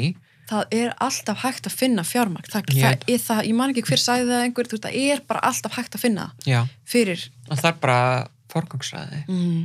og mm. við erum Og- að setja peninga í miklu verið hluti sko. já, algjörlega, en það er bara því að þetta eru valkvæðar að, aðgerir er sagt, þá er þetta ekki sett í forgangan, auðvitað er þetta lífsnöðsilegar aðgerir og þú veist, og rannsóknir sína það bara og transfólk vottar fyrir það já, þú veist, hefði ég ekki komist í minna aðgerð þú veist, eða ekki komist í gegnum mitt ferli ekki fengið að vera ég sjálf, þá er maður bara til hvers er ég það, mm. þú veist, hver er tilgangurinn Mm -hmm. líka sýnir svolítið svona alvarlega sko, mikilvæg svo alvarleikan bara þegar manneskja er bara farin, einmitt eins og segir móðurinn er fara sko, veðsetja húsist og þær eru farin til Thailands já, það, er, það gerir það sér enginn bara til gaman sko, eða Nei. bara nei, þetta er bara þú veist, þú gerir þetta reiður. bara út af einhverju valkværi aðgerð sem er langað að fara í. Þú veist, fólk lítur á þetta sem bara þú veist, þetta fara í einhverja einmitt. En þú veist, þetta er miklu meira en það, þú veist, auðvitað er lítaðgerð náttúrulega líka mikilvægur fyrir fólk af mörgum ástæðum já, og allt það, en þú veist en þetta, þú veist, snýst um eitthvað aðeins djúbstæðara heldur en það að mörguleita, þetta er ekki eitthvað svona valkvætt, þú veist, transfólk þarf bara þetta lítur að vera er Já, þetta er bara, og við búum í velferðaríkinu Ísland þar sem að fólk á að hafa aðgengi að heilbyrðisjónustu mm, og þú veist, þetta er bara hluta lögum að það að veita þessa heilbyrðisjónustu og það transfólk á bara rétt á henni. Mm, og þú veist, maður sér alltaf eitthvað svona kommentum bara, og skattarnir okkar eru að borga fyrir þetta. Man er bara, þið veitir alveg að transfólk borga skatta, sko. Ég er alveg búin að borga örgulega fyrir aðgerir allra á Íslandi bara með mínu sköttum, sko. Þannig að þú veist, allar svona afsakanir verða eitthvað svo mm, eitthvað svo glataðar og maður er bara, þið eru ekki alveg átt ykkur á alvarleika málsins. Nei. Þannig að, Já, þetta er ógeðslega maður verð, þú veist, ég get bara ímynda mér maður sjálfur, þú veist að þú í minni, í minni bara þegar maður er bara veginn stöðut Mhm. bara svona, þú veist, líður sem að sé öskra og enginn, Mhm. þú veist, heyrir heyrir en ég get ímyndað mér einhvern veginn að þetta er líka bara að því að, þú veist þetta er ekki það stór hópur á Nei. Íslandi, finnst Nei. mér sko, að ég verð ekki sko ég fylgist aðalega með þér, minnst, þú, þú ert náttúrulega mjög vókal Mhm. svo erum við ekkert mikið fleiri sko Nei, ekki svona þú veist sem er að tala mikið almennt sko þannig að það verður oft sko svona lítill hópur og fólk á auðveldara með að bara svona einhvern veginn ignora það sko. Já, og sjá þetta sem bara einhvern svona aðgrendan hóp einhverstaðar sem þú þarf að dreiga samskipti við. Mm. það ætla að draga spá þú þess vegna er svo auðvelt, þú veist, það er svo auðvelt að að afskrifa einhvern og einhverja hópa ef þú þarf ekki að einn samskipti við Mm. en svo áttar fólk sig ekki á því að þú veist, hittur örgulega transmannisku bara í hverju viku einhverstaðar og veist ekkert annað transandilega, þú eða eitthvað svona það er líka svona spurning með þess að þegar fólk segir sko þín, þetta er þín barátta. Já, já, að, hérna þegar fólk spyrir mig sko hvernig gengur í þinni baráttu? Já, og maður er bara svona þetta er náttúrulega baráttu okkur, all- okkur allra sko. algjörlega. Svona veist, þetta, þetta er gott fyrir okkur öll. Það, græ, það græða allir á þessari partu mm. Mér finnst þér vanta fleiri sem eru bara þó að maður sé ekki sko trans að veist, fleiri sé að tala um þetta. Algjörlega. Mm. og veist, og það er náttúrulega líka sko fólk sem er ekki er ekki trans mm. hefur líka ákveðna forröndustöðu og hefur áhrif út á við. Mm. og það er ótrúlega mikilvægt að fólk sem að séu, að þú fólk síni það að séu, séu samherjar. Mm. það er svona finnst mér alltaf geggjað þegar fólk, þú veist, er bara eitthvað hei, við þurfum að vekja aðtökla þessu, þú veist, þetta er þannig, þú veist, það finnst mér alltaf mjög flott. Og það er bara mjög mikilvægt að fólk gerir það. Og þess vegna gerir ég það líka með annað, þú veist, ég til dæmis þekki mjög vel inn í tabú og er reglulega, þú veist, deila frá þeim og vekja aðtökla þeirra málumnum og það er að því að ég þetta ekki sem þeirra baráttu og mína baráttu, Mm þú veist, þetta er okkar barátta, þetta er fyrir okkur öll, sko. Akkurat. Að þú veist, transfólk er líka fatlað. Mm. og þú veist, transfólk er líka fyrir kynfyrsopildi transfólk er líka ekki hvít. Mm þú veist, svona auðvitað er þetta okkar allra barátta, -hmm. þannig að þú veist ég skil ekki, þú veist, við getum ekki aðgrænt þessi baráttur eins og við gerum alltaf. Þegar hérna er, þú veist, tabú hérna er, þú veist, þetta þú veist, auðvitað er þetta allt hluti af sama batterínu og sömu baráttunni að það eru sömu þú veist, völdin og stopnandirnar og fólkið sem er að stoppa þessa réttindabaráttu. Mm og sem að er, þú veist, já. Algjörlega. Við erum öll að berjast við sama þú veist, sömu viðmiðin og normin í samfélaginu sem að gera það að verkum að, þú veist þólundum er ekki trúað eða fölluð fólk er ekki trúað eða transfólk er ekki trúað, þú veist, hvað sem er. Mm -hmm. þú veist, þetta er alltaf sama. Algjörlega. En núna þegar hérna, þú ert að hugsa um að flytja heim, eða ekki? Jú, það er svona á planinu næstu árum. Næstu árum. Eða þú veist, ég er ekki alveg búin að ákvæða nákvæmlega mm -hmm. en það gerist núna á næstunni býst ég við. Já, hvort það verður á næsta ári eftir tvö ári, er ekki svona alveg Við erum komið að skrifa fyrir stundina kannski, kannski stundin já, ég er alltaf til að það get alltaf ringdi mig Ég verður mjög til ég að fá þetta sko.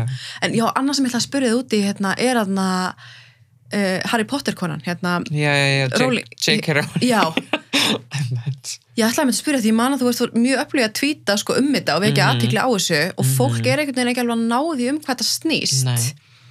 Snýst þetta um það að hún er búin að vera með rasíska, nei hérna svona transfóbik orðræði Já, þú veist, hún er í rauninni búin að taka upp alla þessa, þú veist, orðræðu mm. og nota hana bara gegn transfólki, þú veist, hún er, þú veist, hún skrifa, þú veist, upprænlega gerist það þannig að hún fór að læka einhver tweet, einhverja grein frá einhverju konu sem var transfóbisk grein Mm -hmm. og fólk var bara eitthvað, hvað er í gangi? Þú veist, akkur þetta læka þetta, hvað er að gerast? Og þú veist, upprænlega var þetta eitthvað svona, komin eitthvað, æ, ætla ekki að læka þetta, þetta var bara eitthvað svona middle-aged moment, þetta var eitthvað svona óvart. Það kom bókstallega, þetta verið middle-aged moment og allir voru bara, emmeit, Mhm. er það? Og hérna, þú veist, þú veit ekkert eitthvað heimsk, sko. Og hérna, og þú veist, og svo vatt þetta bara upp á sig mm og þú veist, og þetta hún náttúrulega bara radikaliræðist -hmm. af þessum hópum í Breitlandi sem einhvern veginn hafa náð til hennar og hún er núna bara farin að endurtaka bara mjög transfóbíska orðræðu og farin bara að tala gegn því að transkonur fái aðgengi að kvennaskilum og rýmum og fangilsum og keppi íþróttum. Og þú veist, hún er bara Hún fór bara all in. hún fór bara all in. Og hún er bara að styðja við fólk sem að bara, þú veist talar um hvað einhver kona sem að uh, var bara mjög aggressív og ofbildisfull gegn transfólk og bara segja þetta verið pervertur og fetisistar og bara nefndi það. Og hún finnst hún bara geggjuð. Og að bara segja hvað hún hefur verið frá hún sérst dó úr krabba minni þessi kona. Mm. uh, og hún er bara alltaf að segja hvað hún hefur nú verið frábæra og mikil baráttu kona fyrir konur og réttindi kvenna. Og maður er bara, þú veist, það er bara myndbund en þá á netinu það sem þessi kona er bara ógeð gegn transfólki. Að því sá sko hérna Rowling tvíta síðan bara eitthvað hérna eitthvað svona ógeðslega svona passive-aggressive eitthvað svona I can do what I want, I can say what I want eitthvað blikkall já, já, já, og við bara hún er þegar hún er alveg búin að missa. Hún er gjörsamlega búin að missa og fólk áttar sig ekki á því hversu langt hún er komin Nei. að hún notast, þú veist, hún hefur mikið notað það sem að kallast hundakvísla dog whistle, það sem að notar ákveðna orðræði mm -hmm. og setur henni ákveðin búning. Þannig að fólk sem að þekkir ekki inn umræðina pikkar ekki upp. Mm, það sem hún er að segja, hún talar svolítið undir rós mm, og segir ákveðna hluti sem að, þú veist anti-transhópanir vita nákvæmlega hvað hann er að segja transfólk veit nákvæmlega hvað hann er að segja en fólki sem er ekki í umræðinu áttar sig ekki á alvarleika þess sem hún er að segja. þannig að þegar transfólk segir hei, þetta er ókslega transfólkbíst og þú veist, hún er bara hérna að segja þetta þá trúir fólk ekki transfólk að það er bara, nei, hún var ekki að segja þetta hún var bara að vera mjög málefnilega að benda þetta, þú veist, og það, ég vil tekja þessu á Íslandi, þú veist, bara riðtöðundur á Íslandi og fólkinnan stjórnmálarhæfinga á Íslandi hefur verið að verja hana á samfélagsmiðlum Nei, og segja þessi bara verið að slaufinni og þetta snúist bara um slaufinni menningu og maður er bara, þetta snýst ekkert um slaufinar menningu þú veist, þetta snýst bara um það að hérna er hún mjög transfóbísk og er að upphefja ákvæmna hópa og ákveð fólk sem er bara mjög hartramt gegn transfólki. Mm. þú veist, erum við ekki að, þú veist líka þegar að búa bendinni á það, hún vill ekki, hún, Já, þú hann, þú veist, þetta snýst ekkert um það, hún hafi ekki vita betur. nei, alls ekki. En er þá, þú veist, að því ég er alveg á þeirri skoðunar, þú veist, þegar ég sé eitthvað svona, þá ég vil ekki þá með Harry Potter gera, Nei, ég vil bara ekkert, nei, emitt, hérna, bara, emitt hvað finnst þér um þannig að fólk, þú veist, hætti að kaupa, þú veist, Mhm. bækur eða málverk eftir einhvern svona sem er bara mm að vinna gegn réttinda bara til Já, fólks. mér finnst það bara mjög skilulegt að fólk vilji ekki stiða virðsfélagsmennsku en ég er samt ekki típa sem er bara hvað, þú mátt ekki gera það. En þú veist, mér er alveg sama hvað fólk gerir. Fyrir mér snýst þetta ekki um það að þú haldur áfram að kaupa Harry Potter bækur. Nei. fyrir mér snýst þetta um það að þú áttir þig á því hvað hún er að segja og að það sé viðurkent af samfélaginu að hún sé fordómafull og það sem hún sé að gera sér rátt Mhm. þú veist, mér, þú veist, ég elska Harry Potter og hef alltaf elska Harry Potter. Þannig að þegar að þetta gerist þá, veist, finnst mér það mjög erfitt að elska eitthvað sem kona hefur búið til sem að hata mig. Mhm. hún bara hatar allt sem ég er og allt sem ég stend fyrir. Og þú veist, auðvitað upplifir maður ákveðna veist, höfnun maður upplifir svik Mhm. og maður upplifir það að þarna er sem einhver kona sem maður leit upp til sem að þú veist, finnst maður bara að vera þú veist, skýtur undir skónum hennar. Mhm. og þú veist, það er bara bókstala það sem er, er í gangi, þannig að þú veist við horfum alltaf Harry Potter heim í, á jólunum, bara marathon. Þú veist, við hefum ekkert geta gert það Nei, mér finnst þetta líka svona þegar fólk er að tala um, þú veist, að, hvað á bara hérna slaufa og bara hætta að kaupa, hérna horf, má maður ekki horfa á Harry Potter lengur, eitthvað hefði. Já. En mér finnst það svo þetta mikið ekkert um Nei, en samt á sama tíma er maður bara eitthvað svona, þú veist, að, hvað getur þú gert til þess að sína henni að þetta sé ekki í lægi, því, Já. þú veist, maður nennir ekkert að vera eitthvað að kommenta á miljón, þú veist, miljón manns á þræði á Twitter, Nei, þú veist, svona með 14 miljón fylgjendur á Twitter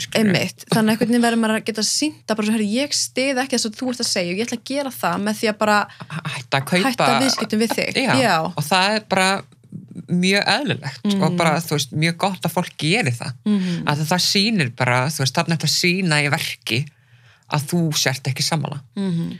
og þú veist, og fyrir, þú veist, en hún er náttúrulega bara miljónamæringu, skilur Já, já. en er alveg saman að þú fólk segja að þetta kaupa dótið hennar þú veist, þannig að þetta er samt Þetta er afstæða. þetta er, þetta er afstæða sem að fólk tekur og það hefur áhrif Mhm. og það hefur líka bara sínt sig að þú veist, hún hefur verið, veist, út af því að hvernig hún hefur verið að hefða sér, það hefur haft áhrif hennar ímynd Mhm.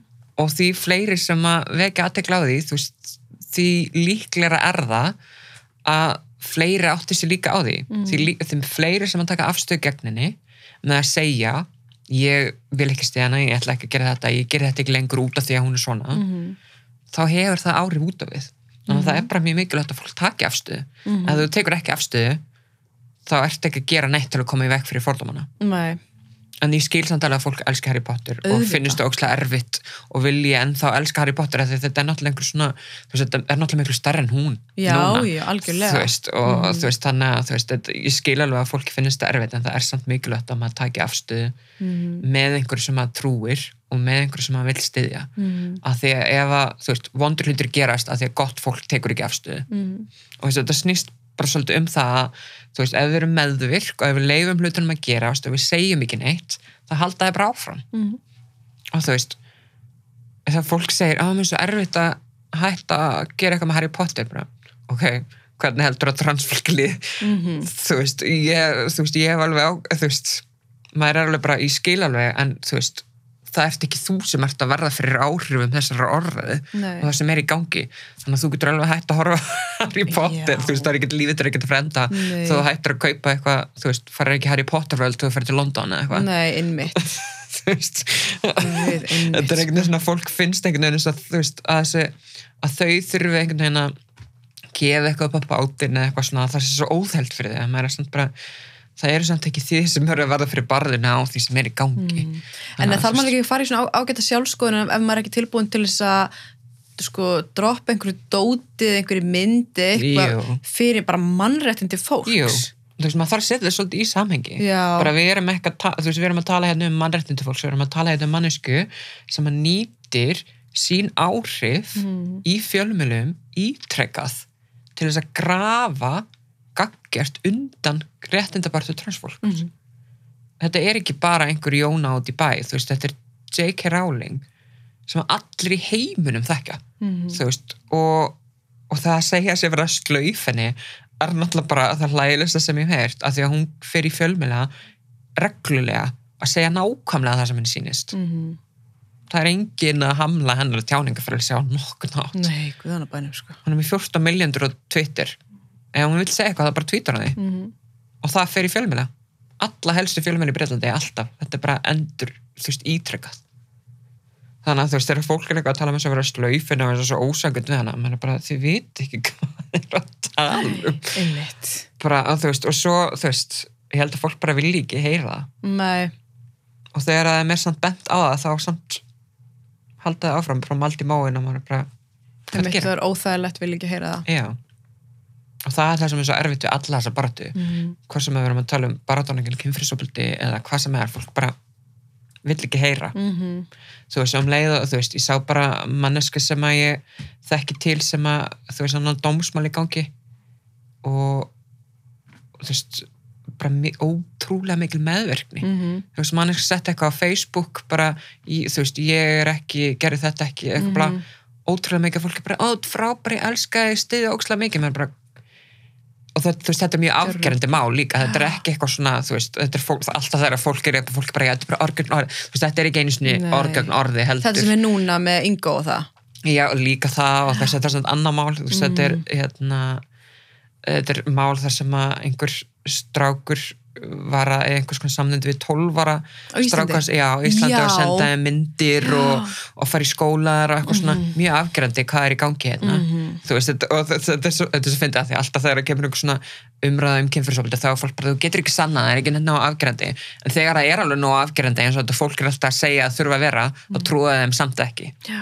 þú veist, þetta snýst aldrei um það þú veist, þetta snýst bara um það að fólk er bara ótrúlega gegnum sírt Mm. að meðvirkni og gerenda meðvirkni að það bara vill ekki trúa því að einhver sem er þekki geti mögulega að vera óbildsmaður Og En, en spáði eins og þú varst að segja sko eins og með hérna, hana J.K. Rowling að hún, hún er í þessari stöðu, hún er samt að taka þessa afstöðu og allt Mhm. þetta, hvað, hversu mikil áhrif það hefur alveg eins og Íslandi, þú veist, þessi með þessi mál eins og þennan strák og yngo og Mhm. fleiri Já. þeir sem eru sína stuðning þrátt fyrir allt sem hefur komið fram mhm, þekkt fólk, fólk sem vinnur kannski hjá vísi, sá ég til dæmis Já. fólk sem, þú veist, eh, er að vinna útarstöðum, fólk Já. sem er eh, leikarar já, opinbert fólk það sem var bara svona, herðu, vá þú veist, þú Já. skildi bara eftir skilabáð hérna bara, þú veist, Já. þú stiður þennan er bara svona það er bara no shame, ég veit það þetta er ótrúlegt og fólk gerir þetta með einmitt, J.K. Rowling, bara fólk sem er í áhrifastöðum en hann stjórnmálarhengu í Íslandi og þú veist og fræði rithöndar bara setja þetta ópenbarlega á vekkisni hvað sem er að slaufa J.K. Rowling maður er bara þú ert að átta þig á því hvað þú veist ég skil ekki hvernig fólk átta sig ekki á áhrifunum Mhm. sem að orður er að hafa á ópenbæra vettvangi Nei, og ég skil ekki hvernig fólk hugsar þetta ekki og sér ekki, þú veist, ok já, þú veist, þó að þú hafur einhverja skoðanir á einhverju máli, þá þarf þetta endilega eitthvað að setja það á samfélagsmiðla þannig að það mun hafa svo miklu áhrif Mhm. sérstaklega líka ef þetta er einhver svona æ, þú veist, mér finnst þetta bara ofta eitthvað svona ég held að fólk átti sig ekki alveg á áhrifinu sem það getur haft á líf annara Mhm. hvort sem að það er með, þessari, með transfólka sem er J.K. Rowling, þú veist, ég held að fólk átti sig yngvæðinin á skaðanum sem að hún hefur ollið með því að setja fram ákveðin þú veist, sjónamið Mhm. og þú veist, hún gerði einhverja rítgerð á heimasíðinu sem var eitthvað upp í fjög þúsund orða rítgerð og þú veist, og fólk er alltaf að vitni í þá rítgerð, bara nei, hún er ekkert á móti þessu, lestu þessa rítgerð og ég bara, lesa þessa rítgerð Mhm. þú veist, ég veit alveg hvað stendur í þessari rítgerð en þú veist greinilega ekki hvað stendur í henni af því að þú getur ekki séð í gegnum Mhm. þar sem hún er að skrifa að, veist, að því að það er svo mikið talað um rós og talað um öryggi og ógn og þurfum að vernda konur þú veist, um leið og fer að freyma þetta sem það þurfum að vernda konur og þessu ógn með réttindi kvenna þá eru flesti bara, ó, ok Mhm. þú veist, um leið og fer að segja herri, við þurfum að passa unga stelpur í búningsklöfum á klósituna þessi kallmenn að tróða sér inn í þessa klefa þú getur enginn verið ósámanlega Nei, en það er ekki það sem þetta snýst um. Veist, þetta er freymað á einhvern svona hátt sem að er ekki það sem er að gerast. Og þess vegna er fólk svo fljótt að vera bara já, auðvitað, þurfum að venda unga stelpur. fáfræði. Fólk er svo illa upplýst líka. Þetta Já. er það, þú veist, eins og við erum að tala um allt þetta ábyrg fjölmjöla og allt þetta Mhm. sko. En þetta er bara, maður gæti endalist bara pyrra sig á þessu og talað um þetta og Já. bara öskrað og öskrað og einhvern veginn Mhm. líður svo enginn heyrin eitt og nei, einmitt og þú veist, þess að þetta er svo erfitt sko. mm, og við semst núna í Transísland erum, erum búin að gera bækling um fjölmjöluumræði út af þú veist, við erum fyrir að upplega þetta sem fara að smita veist, til Íslands. Mhm. og þess vegna gerðum við bækling sem er útgáð hófi kvöld. Ok, og hérna semst, og hann verður aðgengilur á netinu og fleira, þetta er semst bækling bara fyrir fjölmjöla um hvernig á að fjalla um transmálumni og hvernig á að fjalla um transfólk með réttu orðalagi réttum upplýsingum þú veist, hvert er þetta að leita og fleira sem að, þú veist, við vonum bara að fjölmjöla fara að nýta sér af því að, þú veist, við erum alveg pínur hrætt um þróunina líka hérna á Íslanda það er náttúrulega bara mjög mikil öfga hægri þróun allstar í heiminum núna. Mhm. og við erum bara að sjá það að það er að skerða réttindi kvenna og hins einn fólks og alls konar minnlöndahópa bara ennþá meira núna árið 2022 við hefum haldið einhvern veginn að það væri svolítið línuleg barátt á að maður kemist alltaf aðeins lengra og lengra. En núna er bara mikið bakslag bandaríkunum sérstaklega og í Pólandi eru bara einhver svona no LGBT zones. Þú veist, hins sem fólki bara má ekki vera einhver staðar og í Ungverjalandi er búið að þú veist, taka í burtu réttindi transfólks algjörlega og banna að tala um hins sem fólk í skólum og þú veist þannig að þetta er bara að gerast núna í heiminum. What? og þú veist, í Fraklandi fórsetakostningarnar vannæstu því bara einhver öfgahægri típa, þú veist og þetta er bara, þetta er ekkert það langt frá okkur. Nei, nei, einmitt. Og við heyrum þetta ekki. Já, þú veist, og þetta smitar þetta út frá sér hingað. Mhm. og maður sér alveg flokka á alþingi sem er að tilenga sér þessa orðræði Mhm. og þú veist, bara eins og í lögum um kynrætt sjálfræði þú veist, það eru ákveðin stjórnmálaflokkur sem að bara endur taka þessa, þessa antitrans umræði frá Breitlandi ha, er það? og bara tala gegn frumvarpinu á alþingi Nei og þú veist, sem betur fyrir voru allir aðri flokkar bara, hvað er að gera Mhm. hver var það miðflokkurinn? það var miðflokkurinn Já, sem að, þú veist, var að tala á móti þessu, Mhm. sem betur fyrir allir aðri flokkar Já, sem já, voru bara einmitt. eitthvað nei, bara þið eru í rugglinu Mhm. þá voru ég bara að snúa þessu í algjörðu andhverfi og þú veist, og bara þú veist, endur taka þessa orðræði og þú veist, eitthvað og maður er bara þú veist, hvert er það stefnaðin þetta Mhm. þá er náttúrulega bara að tapa miklu fylgi sem að síni bara að það er kannski ekki alveg jafn mikil grundvöldur fyrir þessu eins og þeir byggust Mhm. við en samt sem maður er þú veist, fólk sem er stiður þetta fólk og það er fullt af atkvæðum, Mhm. fullt af fólki sem er stiður þannig að þú veist, þannig að maður maður þarf einhvern veginn bara að halda áfram að já og þess vegna vonum við einmitt að þessi bæklingur verði til þess að fólk átti sig aðeins á veist, hvers vegna þetta er mikilvægt og við Mhm. förum alveg aðeins inn á öll þessi álitamál, þú veist, eins og íþróttirnar og fangilsin og kvennari, þú veist, eitthvað svona bara til Já, að sína fólki gott. bara, þú veist, þetta er öll þessu umræða er svo mikil sögufölsun í rauninni að vera að búa til einhverjar einhver vandamál og aðstæður eitthvað sem er ekki það sem er að gerast í raunveruleikunum mm. og þú veist, og transfólk þú veist, þetta er ekki snýst ekkert um um kvennarým í rauninni þetta snýst náttúrulega rauninni bara undan að grafa undan þessar Já. réttindabröð, það er Mm. náttúrulega bara að nota sem einhvers konar, þú veist uh, verið að hilma yfir raunverulegum markmiðum, Mm. þeir veit alveg hvað þeir eru að gera sko. já mm. og eins sem því miður kaupir fólk það og jafnvel, þú veist, einhverju svona feminista hópar Mm. að þegar maður fer svo að skoða, þú veist hvaðan er þessir hópar af peninga hvaðan kemur þessi orða upprænilega, þá er það alltaf sami staðurinn, eitthvað svona öfgahægri Mm. bandaríst bla sem er að, þú veist, gefa jafnvel þessum feminista hópum sem er að berjast gegn transréttindum peninga Mm. maður er bara, þarf ekkert að grafa lengi til að sjá þessu tengingu sko. einmitt sama þóttu þau segi þú veist, við, auðvitað erum við, veist, að við erum Mhm. feministar og eitthvað svona það er bara, já, en, jú, jú það getur alveg vel verið, en það sem þið eru að berjast fyrir er ekki feminist Nei, einmitt, fólk hver sem er getur kallað sér feminista sko. já, og þú veist, og margir þessir hópar sem eru, já, við erum að berjast fyrir réttindu hvenna, en allt sem þau gera snúast um transfólk mm. bara um transfólk, snýst ekki um neitt annað en samt er þau réttindu bara fyrir þessu en það snýst allt um transfólk þú veist, maður er alveg bara, þú veist, þetta er svo veist, ákveðnir hópar eins og bara í, þú veist Breitlandi, þú veist, LGB Alliance og eitthvað Mhm. svona segjast verið að berjast fyrir réttundum homo, lesbi og tvíkynera, gleyma samt tvíkynum langa oftast, Mhm. alveg saman og allt snýst um transfólk allt sem er sett á samfélagsmeila allt snýst endalins um transfólk bara ef þetta snýrist um einhverja um réttið einhvers þá væri það ekki svona upptikinn af transfólki endalist sko. Nei, einmitt Þetta er bara endalaust og ég vona Já. bara, þú veist að, ég vona að þú komir bara til að hinga til Íslands og bara skilji Breitland eftir bara í, í, í reiknum sko. Sko. og hérna, já, en það var bara aðeinslega að fá þig Já, og takk fyrir takk að koma hérna og bara taka þér tíma. Já, takk fyrir mig. Takk fyrir